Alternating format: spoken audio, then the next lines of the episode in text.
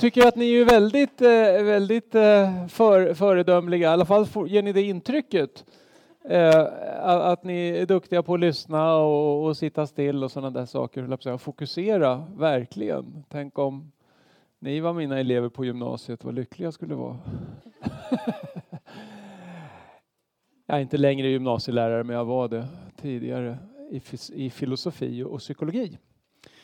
Um, men hur som helst, vi struntar i det nu och så hoppar vi in i Jobs bok. Är ni med? Nu blir det lite mer bibelstudium här. Nu har vi pratat om korset och um, vad Jesus har gjort för oss och lärjungaskap, korsets väg. Och nu så ska vi på något vis backa i hela sättet att tänka och prata lite mer om vem är Gud?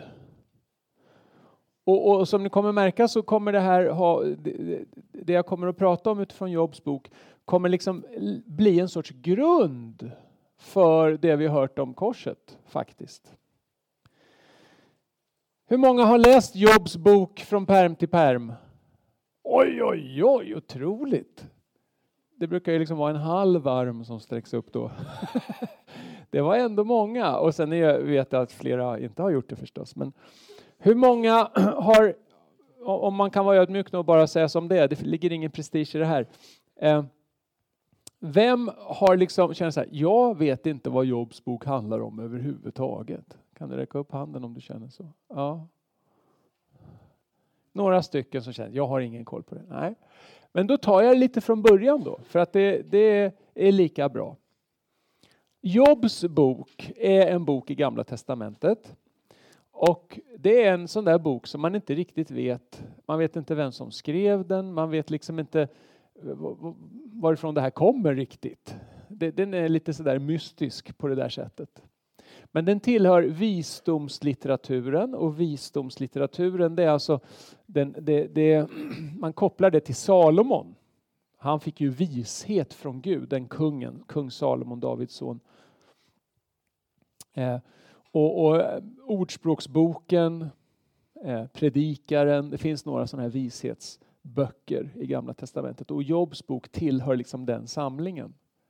Så kanske är det Salomon som ligger bakom Jobs bok på något vis, att den finns där. Men Jobb var en kille, en farbror, en man som levde då för väldigt länge sedan, även från Salomos perspektiv. Han verkar liksom vara en av han levde på patriarkernas tid tror man, alltså på typ Abrahams tid, alltså för väldigt länge sedan. Och, och i, i, Jakobs bok i Nya Testamentet så står det att vi ska ta jobb till förebild. Hans tålamod ska vi ta som förebild. Så att man får intrycket av att i alla fall Jakob ser på honom som en person som faktiskt har funnits. Men sen är det ju då en massa utbroderingar i den här. För att större delen av den här boken består av en enda stor debatt mellan Jobb och tre av hans vänner. Det är liksom större delen av den här boken. Men den börjar med att, vi kan ju titta här då, Jobs bok om ni har biblarna med er. Så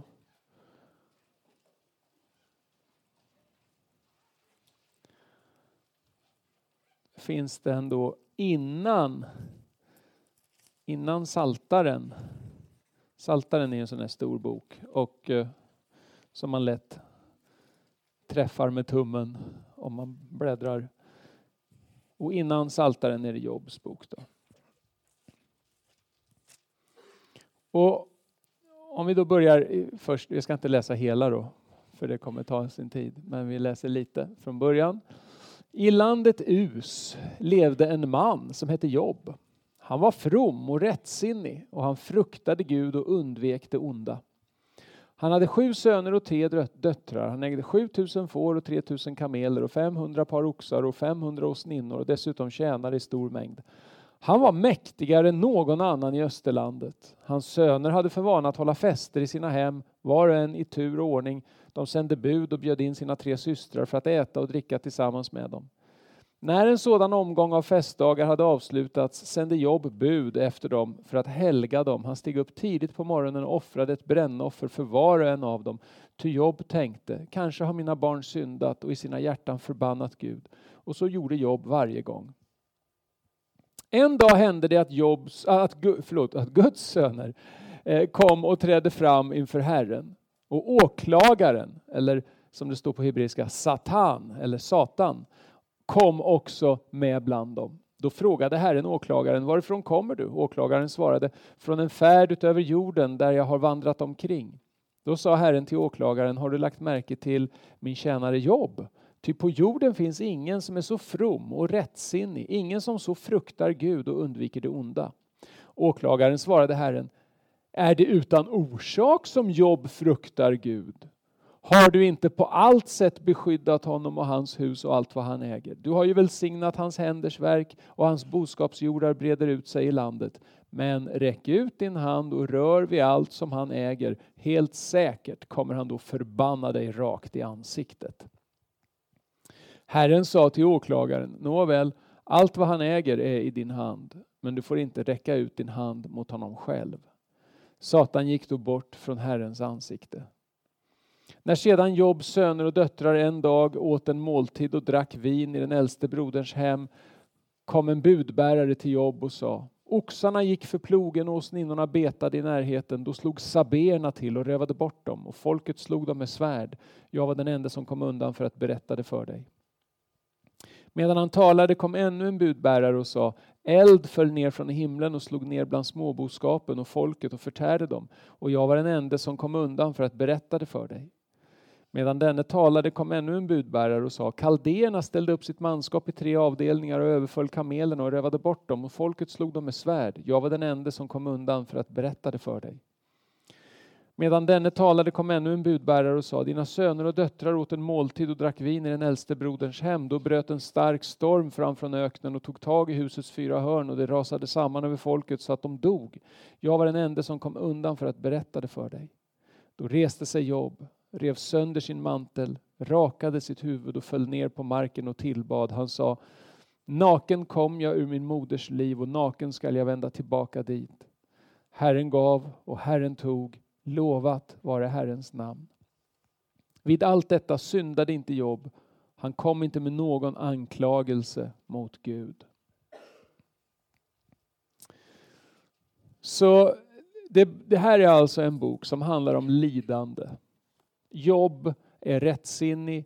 Djävulen, Satan, kommer och säger ja men det är ju bara för att du välsignar honom som han är så from. Och om du tar bort allt han har då kommer han ju förbanna dig rakt i ansiktet och så säger Gud till Satan, ja, du får göra det. Så det är egentligen det är djävulen som tar initiativ till det här och det är också djävulen som gör det här. Men Gud tillåter det, det gör han. Och man kan ju alltid fråga sig varför. Boken svarar inte på varför oskyldigt lidande finns.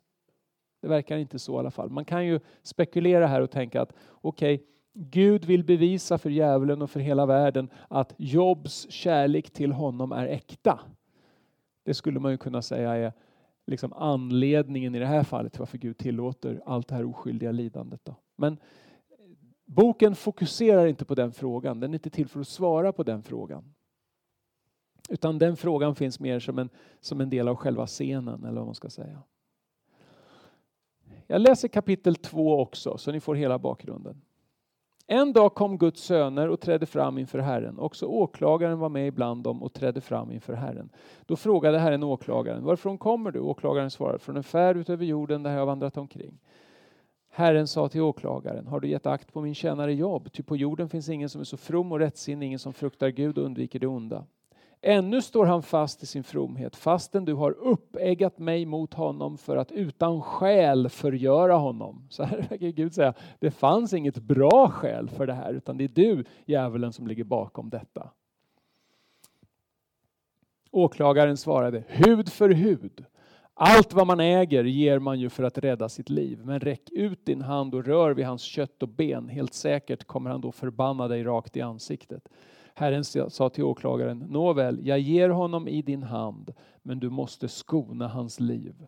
Och åklagaren gick bort från Herrens ansikte och slog Jobb med svåra bölder från fotsulan ända till hjässan. Jobb tog då en lerskärva att skrapa sig med där han satt mitt i askan. Då sa hans hustru till honom, står du ännu fast vid din fromhet? Förbanna Gud och dö.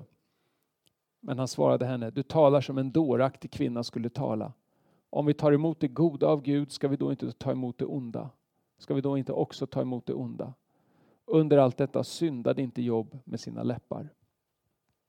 När tre av Jobs vänner fick höra om alla de olyckor som hade drabbat honom eh, kom de var och en från sin ort. Elifas från Teman, Bildad från Sua, Sofar från Nama.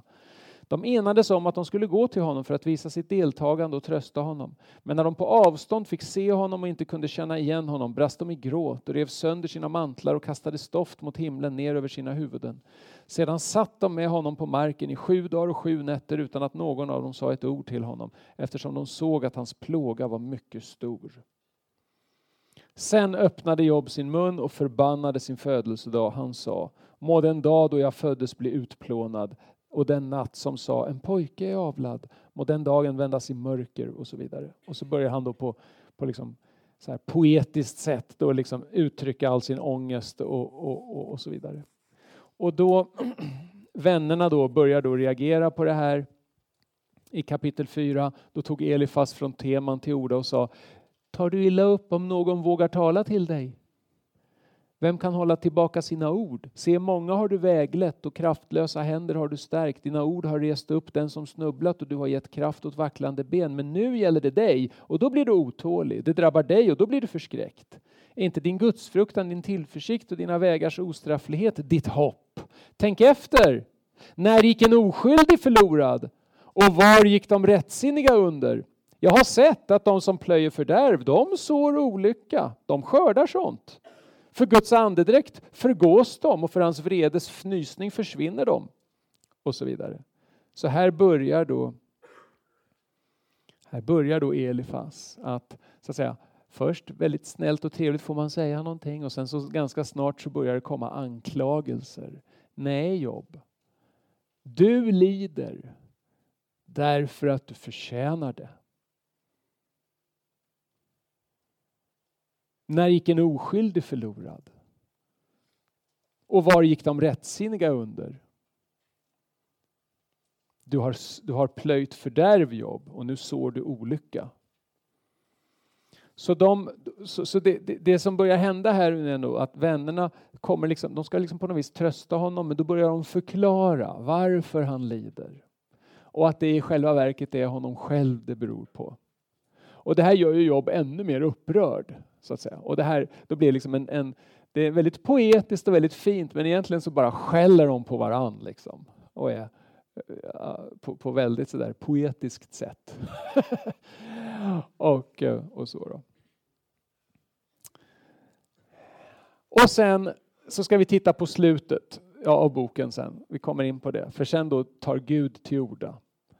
Och, och, det där talet som Gud har verkar nästan obegripligt för då går Gud in på liksom strutsar och, och, och åsnor och alla saker. Och liksom så här. Man undrar så här, Gud vad pratar du om? Vad, hur hänger det här ihop? Vi ska kolla på det. Det jag hoppas nu kunna ge er, det är faktiskt en sorts förståelse av hela Jobs bok som ni ska få lite som i en ask i huvudet. Hoppas jag. Så att ni kan den här boken och fattar hur den hänger ihop och vad det handlar om. Vi får se om det lyckas. Så Job ger en respons på sitt lidande först. Han säger naken kom jag och naken ska jag vända tillbaks till min moders liv. Det är ju poetiskt. Han menar ju inte att han ska krypa in tillbaka. Va? Utan det är ju liksom det här, jag kom från mörker ingenstans och sen när jag dör då, då liksom kommer jag in i mörker och, och ungefär. Herren gav och Herren tog, lovat vara Herrens namn. Och poängen på något vis är att jag kom hit utan någonting. Jag hade ingenting. Och allt jag har fått är nåd. Allt jag har fått är gratis. Det låter konstigt, är det okej? Okay, eller? Det, ja, det, det funkar. Ja. Allt jag har fått är gratis. Okej? Okay? Och han anklagade inte Gud. Och sen så tycker djävulen då att nej men vadå, vi har ju bara, han, jag, jag har ju bara tagit bort allt han hade. Kameler, barn, allting. Nu är inte barn ägodelar, men han hade det. Det var någonting som Jobb hade. Han har blivit av med det. Men då säger djävulen, ja ja, men han lider ju inte själv. Så då får, då får han liksom sjukdomar och bölder på sig. Och det är djävulen som gör det, observera det. Men det här vet ju inte Jobb. Han har inte sett bakom kulissen. Men han säger då, om vi då tar emot det goda av Gud, ska vi då inte ta emot det onda? Han menar ju inte att Gud är ond, det tror jag inte han menar, men han menar att Gud tillåter ibland onda saker. Och varför skulle vi inte, till, varför skulle vi inte, förstå, varför skulle vi inte låta Gud tillåta det han tillåter, så att säga? Lita på att han har koll. Hur som helst så anklagar inte Jobb Gud för det här. Okej? Okay? Vännerna då som börjar anklaga Gud, de utgår från det man kan kalla för vedergällningsläran. Vedergällning, man liksom ger igen helt enkelt. Och en tanke att, att det finns inget oskyldigt lidande. Det är på något vis tanken. Det här finns i hinduismen, karma. Jag har en kompis som tänkte då att eh, ja, Föds man in i kriget i Bosnien så är det för att man förtjänar det från ett tidigare liv. Tänkte han. Han hade varit med, hållit på med transcendental meditation och sådana här grejer. Och han, han, klagade mycket på samhället. Han tycker att det var så himla hemskt att, att ja, det är en massa saker som är fel i Sverige och sådana här saker. Och då skojade jag med honom och sa, fast det är inte bara på skoj, det är på allvar också. Jag sa, men hör, hör, om du tycker det är fel på Sverige, om du tycker att det är väldigt jobbigt eh, och frustrerande med allt det politiskt korrekta och du går mot strömmen och allt det här, ja fine. Men då är det ju för att du förtjänar det, eller hur? Det är precis vad du behöver på grund av dina tidigare liv. Eller hur? Så varför håller du på och klagar för? Det här som du tycker är så himla jobbigt och frustrerande, det är precis vad du behöver. Det är precis rätt åt dig enligt dig själv, eller hur? Va? Det är ju karma. Nej, Masse, nu har du missförstått, sa han till mig då. Vi hade massa diskussioner. Hur som helst, det finns människor idag i Sverige, svenskar, vanliga personer så att säga från svensk perspektiv sett, som, som tror faktiskt på karma. Och sen finns det ju väldigt mycket över världen också, särskilt i Indien, hinduismen och sådär. Men österländskt tänkande har ju mycket av det här. Man förtjänar allt som händer. Rättvisan kickar in direkt så att säga. Det kan inte hända någonting orättvist. Därför att på något vis så förtjänar du det. Men det är vännernas utgångspunkt. Det är liksom hur Elifas och de andra tänker. När gick en oskyldig förlorad? När gick de rättsinniga under? Sådd och skörd. Som kristen så tror jag ju på det här i en viss mening. Det är bara det att jag har ett annat tidsperspektiv. Jag tror att i evigheten, ja, då kommer Gud, Gud kommer att straffa det onda, belöna det goda och så vidare. Det kommer han att göra. Men nu, i den tid vi lever i nu, så kommer massa saker vara orättvisa. Det kommer så att säga, och det är därför det krävs en dom. Att allting, hela historien, alla våra liv kommer belysas i ljuset av vem Gud är. Och då kommer allting ställas till rätta. Men en del tror att allting ställs till rätta av sig självt längs med vägen. Det finns inget oskyldigt lidande. Det säger inte Bibeln. Men vännerna tänkte så. Jobs vänner tänkte så. Ska vi byta? Det, det är något eh, biljud där. Ja, du sänkte lite. Ja, men vad bra. Inte nog med att det smakar skit, det har en bismak också. Nej, jag ska. Ja. Förlåt. Det min lillebror han skämtar så där hela tiden så, får, så jag får liksom sådana där En, fin och, en, en, en jämn och fin avföring är den bästa huvudkudden, brukar han säga. Ja, hur som helst, det var lite skitsnack. Nu går vi vidare. På grund av biljudet, det var det jag skojade om. Hur som helst, Bildad kan Gud kränka rättvisan? Kan den allsmäktige kränka rättvisan? Nej, det kan han inte. Nej, det kan han inte. Men tanken är då, Bildad tillämpar det här på jobb och säger alltså så kan inte Gud tillåta oskyldigt lidande. Gud kan inte tillåta det, det kan inte finnas. Det betyder jobb att du är skyldig, du lider för att du förtjänar det. Men Jobb svarar då i kapitel 9, 21 så säger han, jag är oskyldig. Jag är oskyldig. Han säger inte att han är oskyldig rakt igenom, han pratar om sin ungdoms synder. Men han säger så här, det här förtjänar jag inte. Det här lidandet har jag liksom inte gjort mig förtjänt av. Ty han är ej en människa som jag, Gud alltså, säger Job, så att jag kan svara honom. Vi går tillsammans till rätten. Det finns ingen som kan döma mellan oss och lägga sin hand på oss båda. Så, så Job, det här är en attityd nu som Job har till Gud. Jag kan inte anklaga Gud.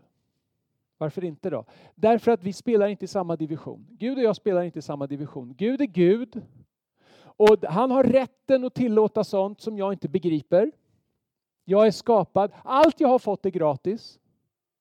Jag, har, jag, kan inte säga att jag har förtjänat någonting.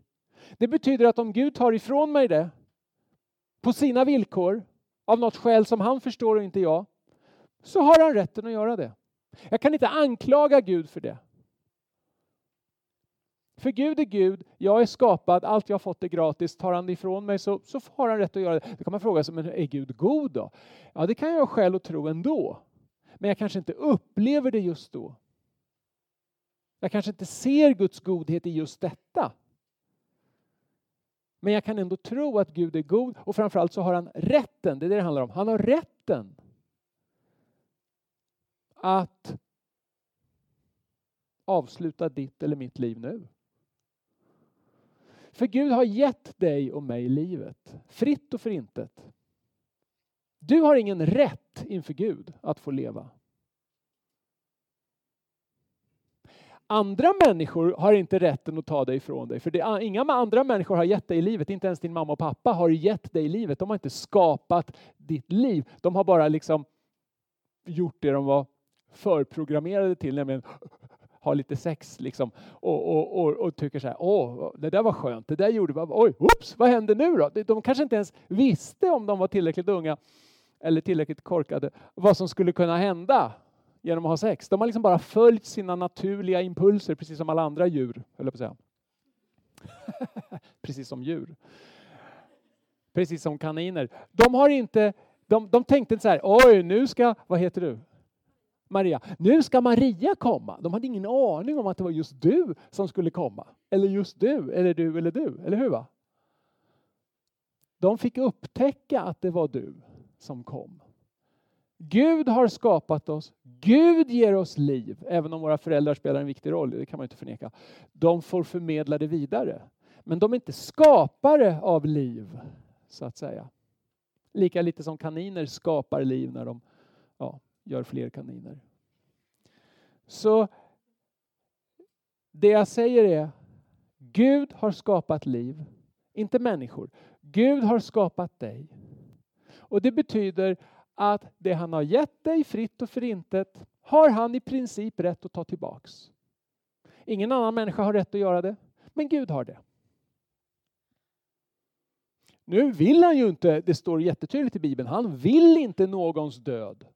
Han är god, han vill liv, han vill att du ska finnas och så vidare. Jag bara säger att han har princip rätten att tillåta saker, hemska saker. Om det skulle vara så att det i så att säga, den fallna världens olika saker som händer på något vis blir så att ja, jag tillåter det här. Vi har fri vilja på olika sätt. Tänk efter, om Gud ger människor fri vilja och en person missbrukar den fria viljan till någonting, då uppstår oskyldigt lidande. Därför att den personen borde ju då varit kärleksfull och snäll och god och så vidare. Men upphör då att vara det, eller struntar i att vara det, och då är det någon annan som kommer att lida, eller hur? va? Någon kommer inte få uppleva den snällhet som personen borde haft. Eller hur?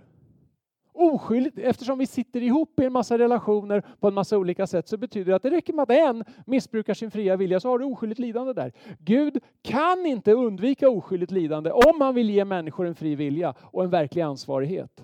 Och om vi ska sitta ihop, inte vara som enstaka öar, utan om vi sitter ihop i kärlek, gemenskap, familjer, relationer, vänskap och allt vad det kan vara. Skiter det sig hos en, höll jag på att säga, vilket har gjort hos oss alla, så, så drabbas en massa andra. Det är bara så. Nu då så är det ett alldeles särskilt stort oskyldigt lidande som Jobb fick. Extra stort. Men min poäng är, och det jag vill att du ska liksom riktigt förstå, hoppas jag, och som jag tror att boken verkligen säger här, det är att du är skapad fritt och förintet. Gud har gett dig livet fritt och förintet. Han har i princip rätten att ta det tillbaks. Och Jobb har den här attityden. Han har den här attityden att nej, jag kan inte anklaga Gud, för Gud har just den där rätten. Jag kan inte säga att Gud, du gör fel. Du gör inte fel när du tillåter det här lidandet, därför att jag kan inte gå tillsammans med rätten. Det finns liksom ingen domstol som kan döma mellan mig och Gud. Jobs bok är full av juridiska termer på hebreiska. Juridiska termer, alltså domstol, rätten, åklagare eh, och sådana här saker. Massa sådana ord finns. Det finns ingen som kan döma mellan oss och lägga sin hand på oss båda. En domare som kan säga, här har vi den ena parten Jobb, här har vi den andra parten Gud och nu ska vi se vem som har rätt. Det finns ingen sån. Men den här attityden hos Jobb förändras vartefter som vännerna debatterar med, med honom. Och han säger då i kapitel 13.3 så säger han så här, men jag vill tala till den allsmäktiga, jag, jag önskar försvara mig mot Gud. Vännerna så att säga, äggar Jobb till att önska sig en rättstvist med Gud.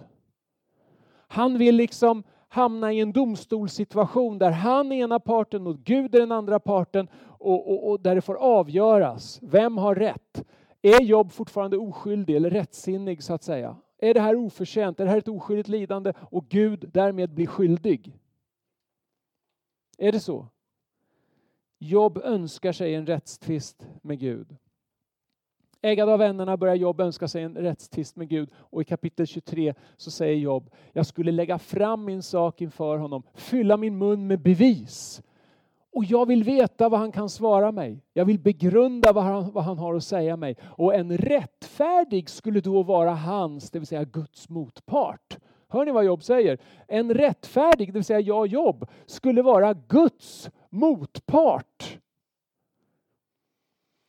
Så Jobb är rättsinnig från början men vännerna äggar honom till att börja önska, för att han vill liksom försvara sig. Nej men jag är inte skyldig till det här. Jag, jag, det här är ett oskyldigt lidande som jag får.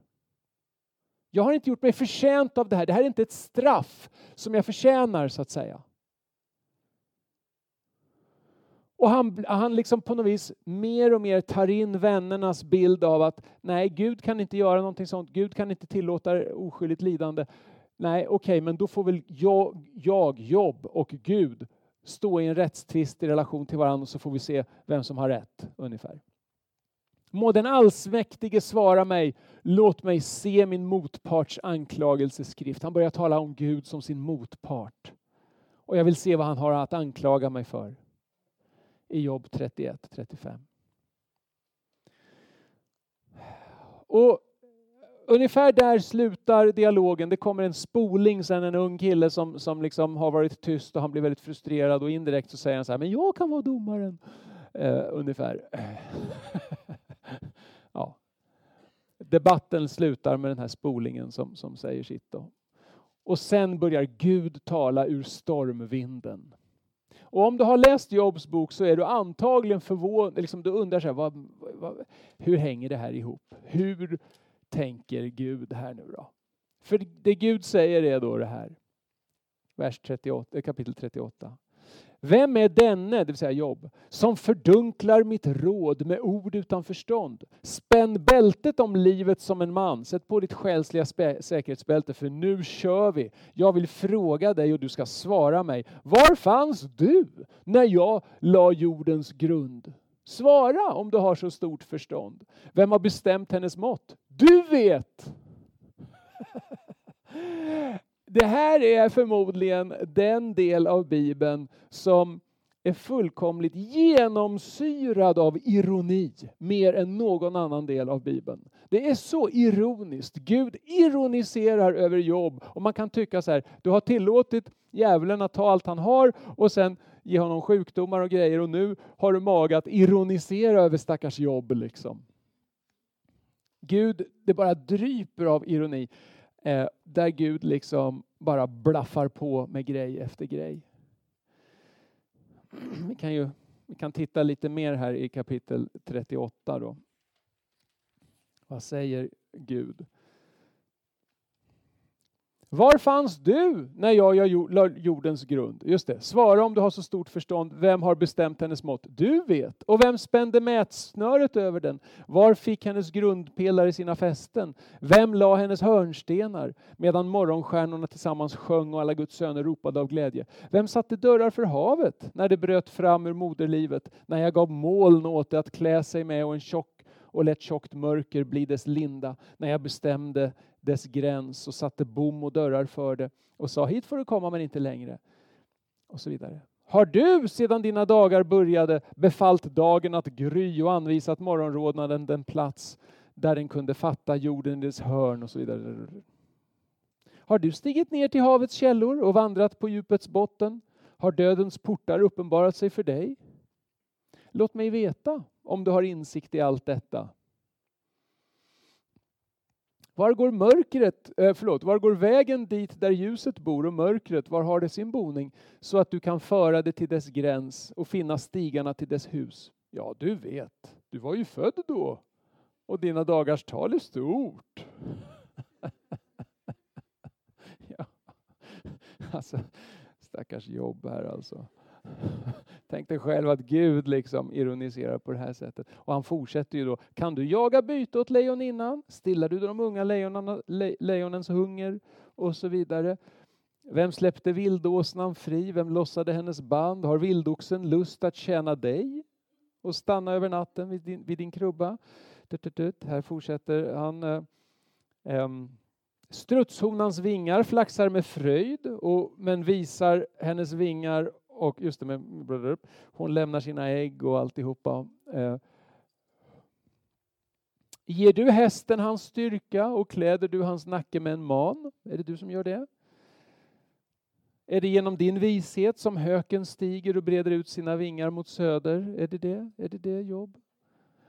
Och så vidare och så vidare. här. Och sen vers 34 då. Och Herren svarade Jobb, han sa, vill du tvista med den allsmäktige? Du mästare. Ge svar, du som anklagar Gud.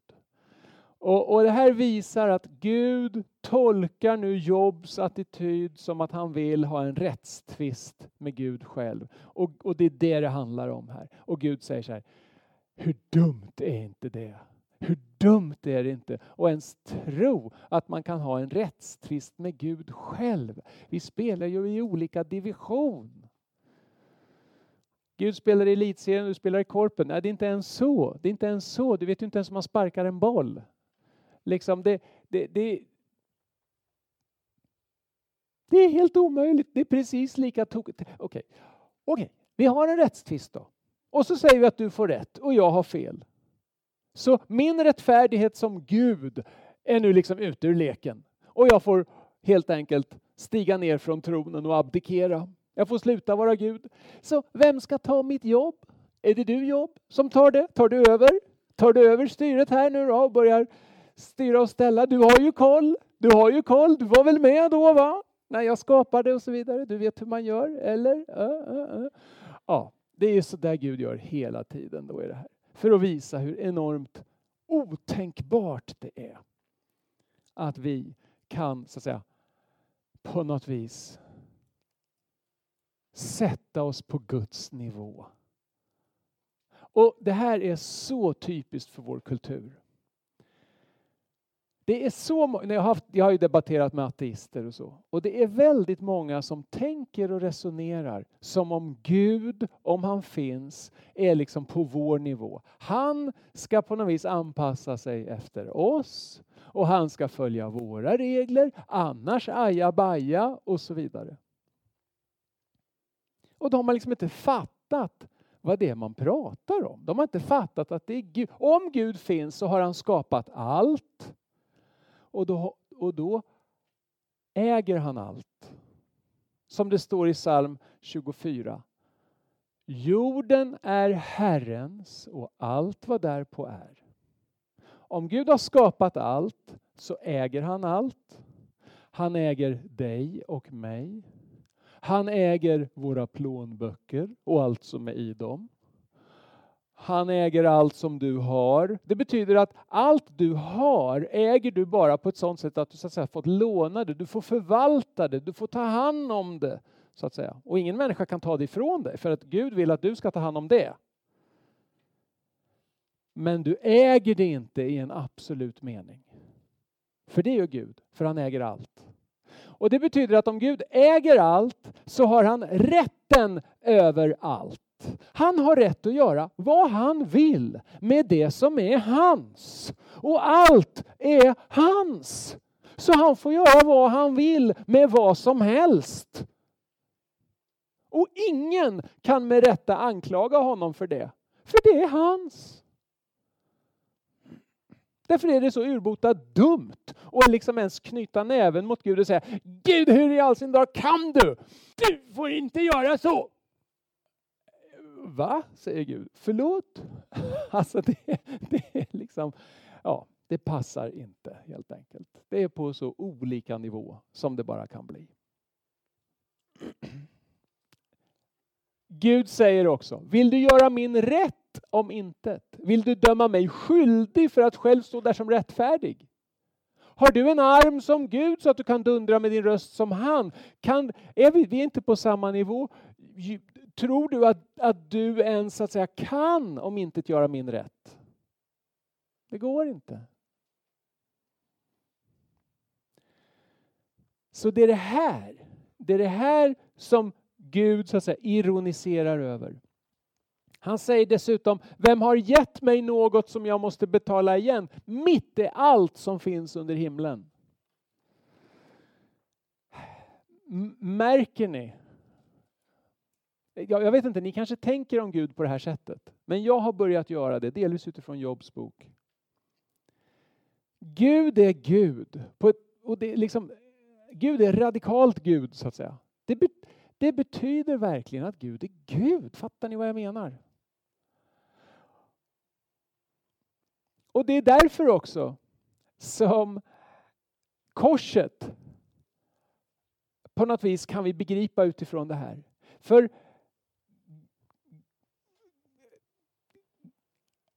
det som inte passar in i Guds bild, han har rätt att ta bort det. Han har rätt att ta livet av varenda människa som inte lever enligt hans, med hans vilja. Han kan göra det. Han vill inte det för han älskar oss. Men han har den rätten. Och det han gör istället då, det är att han kommer som människa. Och då fattar vi något. Alltså han har rätten till 100 procent. Men vad är det han gör då? Han kommer till oss och dör för oss för att han älskar oss till 100 procent. Men det viktiga är, tycker jag, för oss, att när vi då tar emot Guds kärlek, då får vi inte missförstå det och tro att bara för att han har älskat oss så himla mycket så är han vår jämlike. Det är han inte för fem öre. Han är inte min jämlike. Han är Herre och Gud och det är därför som när man sen då ska börja leva det här livet, då måste man på något vis ta in, som jag sa, att jag måste låta Gud vara Gud. Han måste få vara sig själv. Och vem är han då? Jo, han är den som äger allt i en absolut mening, också dig och mig. Och han älskar oss och han vill oss väl.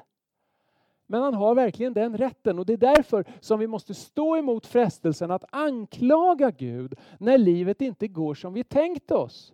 För ursäkta mig, men det kommer att bli så. Än så länge har det kanske gått som du har tänkt dig. Men för de flesta av oss, nästan allihopa, så kommer livet inte gå som vi har tänkt oss.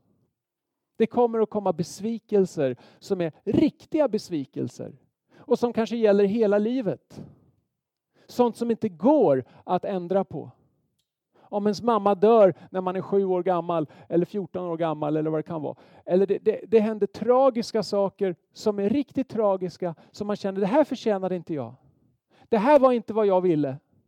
Det här är för hemskt. Hur kan Gud tillåta det här?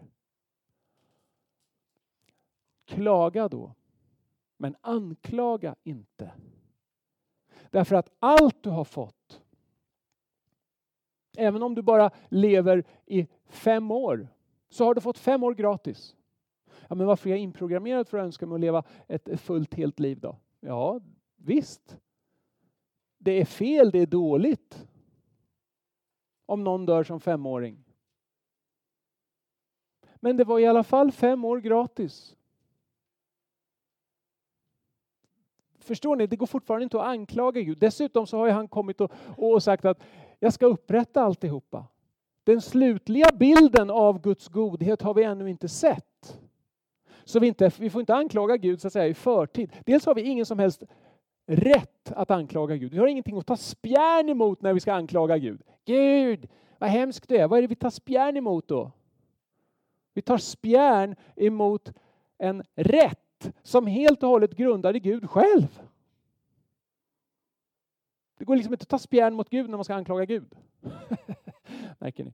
Så, så vi, vi, det, det, är liksom uteslutet. Och det är det här jag tror är en vishet som Jobs bok står för. Anklaga inte Gud. Sätt dig inte på, på samma nivå som Gud. Inse att Gud är Gud och att allt du har fått är gratis och han äger allt och han har i princip rätten att göra vad han vill med det. Och du kommer inte alltid förstå varför han tillåter vissa saker. Jag förstår inte det.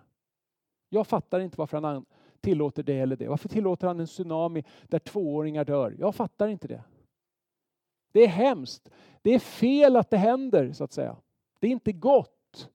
Det var inte gott det här som hände, det här som Gud tillät, som djävulen gjorde. Det var inte gott. Det blev inte gott för att Gud tillät det. Men av något skäl så tillät han det. Och han har i princip rätt att tillåta det, för det är hans alltihopa. Och han har ett skäl som jag tror är gott, och vi kanske inte förstår det nu, men vi kan kanske förstå det längre fram. Och när han upprättar allting och, och säger så här, när, när allting är upprättat igen, som, som Bibeln säger att Gud ska göra, skapelsen, då tror ju jag att det inte kommer vara en enda person som säger att det lidande jag gick igenom, det var inte värt det. Utan när man ser slutresultatet så kommer man säga vad jag än gick igenom så var det värt det. Det tror jag. Paulus säger det här att den härlighet som kommer väger tungt mot alla lidanden som vi nu lever i, som vi upplever. Så, men det där är ondskans problem, det är lidandets problem, det är en egen diskussion egentligen. Men det jag verkligen vill inskärpa, det är just det här att Gud är Gud på riktigt. Vi kan inte anklaga honom, däremot så ska vi klaga. Bibeln är full av klag. Visste ni att, att ungefär 60 procent av alla salmer i Saltaren är klagosalmer? Hur många hur många lovsånger i vårt lovsångshäfte är klagolovsånger? Nästan ingen. Det är bara härlighet och bababa. Men Bibeln är full av så här, Gud vad är det, vad jobbigt det är, skit och så här. Jättemycket sånt i Bibeln. Och jag tycker det är rätt och riktigt och vi behöver mer av det. Vi behöver mer klagolovsånger. Därför att det finns smärta i oss och vi ska verkligen få lägga upp den inför Gud. Gud vill att vi kommer med till honom med det som är jobbigt och svårt. Verkligen, och säger brutalt ärligt, jag har svurit när jag har, när jag har bett. Jag har varit med om saker där jag känner så här, Gud det här är ett jävla skit. Och då menar jag det, det är ingen svordom, för jag menar precis just det. Det är djävulskt, det är dåligt, det är verkligen, verkligen hemskt. Gud, hjälp mig. Att vi är brutalt ärliga inför Gud, också med det jobbiga. Särskilt med det jobbiga.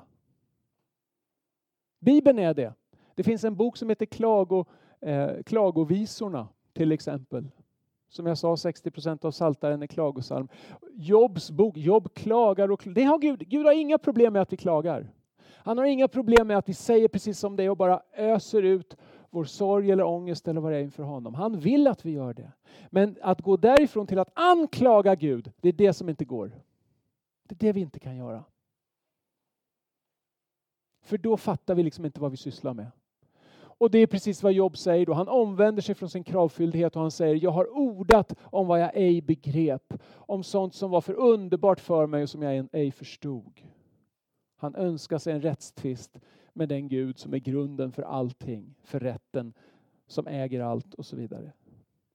Därför tar jag tillbaka allt och ångrar mig i stoft och aska. Men han ångrar sig inte från någon synd som gjorde att han fick allt det här lidandet. Han ångrar sig från sin kravfylldhet. Att han liksom kräver, det ska vara så här. Och får jag inte det, då minsann tänker jag, mm, då, blir jag då blir jag inte bara arg på Gud, alltså då tänker jag, skiter jag i Gud. Jag känner personer som varit kristna i nästan hela sina liv och sen har de inte fått det de ville.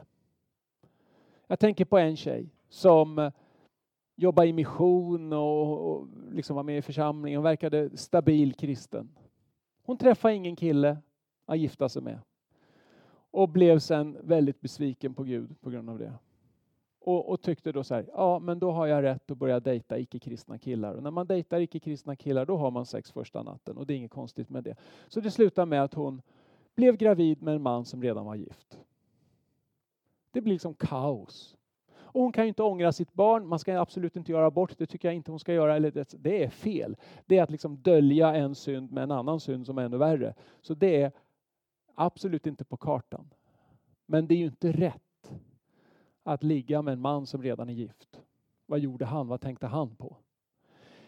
Men den här tjejens attityd när jag pratade med henne var flera år sedan, väldigt, väldigt länge sedan. Hon kan ha ändrat sig, jag hoppas det.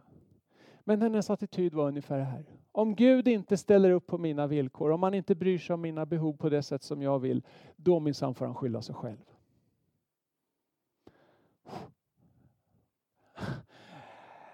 Vänta här nu ett slag. Då gör man precis det här som, som, som Gud raljerar över och säger, hör du, vi spelar inte i samma division och allt du har fått är gratis. Och visst, livet kommer inte bli perfekt och det kommer finnas verkliga besvikelser, men det ger dig aldrig rätten. Du kan aldrig försvara din synd i ljuset av ditt lidande. Ditt lidande ger dig aldrig rätten att synda. Jobb ångrar inte någon synd som rättfärdigade hans lidande, utan han ångrar sin kravfylldhet. Och Gud säger nämligen till Jobs vänner i slutet av boken, ni har inte talat om mig vad som är rätt, så som min tjänare Jobb har gjort. Jobb hade rätt, han var oskyldig, men vännerna fick Jobb att överge sin ursprungliga ödmjukhet. Och Herren bönhörde Jobb, står det i slutet. Han fick be för sina vänner till och med. Och så. Lite tillämpningar här då, jag har redan varit inne på det. Men svår smärta är en utmärkt grogrund för en krävande ande. När du lider så tycker du på något vis att du har rätt att kräva och du har rätt att ställa ultimatum till Gud själv. Kravet känns rättvist och om Gud då inte ställer upp så betyder det att han är orättvis och då har du rätt att strunta i honom. Problemet är att Guds attityd mot den sortens attityd som man då har är väldigt kallsinnig. Gud förhandlar inte med krävande människor. Du får kalla handen av Gud själv om du har ett sånt hjärta. Sorry min vän.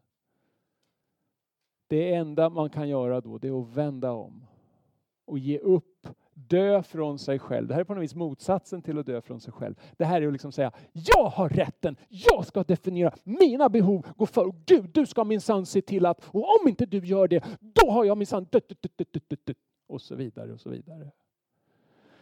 Problemet är att den attityden kan finnas som frön i oss. Och de där fröna växer när lidandet kommer, när besvikelsen kommer. Det är då och det är därför jag, menar, därför jag vill prata om de här sakerna nu, innan det skiter sig för dig. Förlåt. Det låter ju väldigt, man ska alltid prata uppmuntrande till ungdomar. Så här. Det kommer säkert gå bra för dig. det kommer det säkert också. Men även i det bästa av liv så att säga så kommer det finnas besvikelser. Och min fråga är hur hanterar du dem? Och hur hanterar du besvikelserna? Verkliga besvikelser alltså i relation till Gud. Börja inte anklaga Gud i all sin dag vad du än gör. Gör inte det. För då har du inte fattat den mest grundläggande saken med Gud. Nämligen han spelar inte i din division. Du spelar inte i hans. Och han är Gud och du är människa. Och allt du har fått som är gott är helt gratis. Och du kan inte kräva något av honom. Ingenting har du rätt att kräva. Du får ta emot det av nåd och det finns enormt mycket nåd där att ta emot. Men du kan inte kräva det och du har ingen kontroll över det. Så släpp det och låt honom vara Gud. Låt honom ta hand om dig. Och så får det bli som det blir, så att säga. Din smärta kan aldrig rättfärdiga din synd. Hur mycket du än lider så kan du inte säga, det gjorde att jag fick rätt att synda, rätt att göra fel. Gud har skapat allt, han äger allt, han har rätten över allt, inklusive dig. Saltaren 24. Stolta människor kräver, men Gud står emot de stolta. Och hjärtats omvändelse handlar om att önska mycket, Be om mycket men kräv ingenting. Så det handlar inte om att du bara ska liksom, åh, jag struntar hela livet, jag vill inte ha någonting. Du ska fortsätta önska. Du ska fortsätta önska det som är det naturliga. Men du kan bli besviken. Det kanske inte kommer som du har tänkt dig. Att lita på Gud betyder att vi inte kräver något. Det handlar om en sorts Herrens fruktan. Att på något vis erkänna Gud som Gud. Det handlar inte om att man är rädd för Gud, så att säga. Det kanske man ska vara ibland. Men i grunden ska vi inte gå omkring och vara rädda för Gud. Men däremot så ska vi ha en enorm respekt, en bävan. Ungefär som Aslan, som C.S. Lewis beskriver. Aslan är ett vilt lejon. Va? Men man älskar honom, man vill bara in huvudet i hans man. Men man är också så här, wow, han är ju ändå vild liksom. den där mixen är precis den jag tror C.S. Lewis har fångat verkligen, som är Herrens fruktan. Man har en fruktan för Aslan, men man älskar honom. Man är lite nervös i hans närvaro för han är trots allt ett vilt lejon. Gud är trots allt Gud. Vi ska bäva inför honom. En sorts nervositet, en sorts, en sorts liksom kärleksfull respekt. Det är starten för vishet.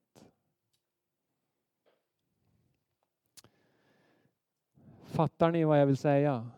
Ytterligare en, en jobbig pusselbit här, men eh, i all sin dar. Är det så? Får ni höra sånt här i kyrkorna, vill jag säga? Eller? Lite grann? Eller? Inte så mycket?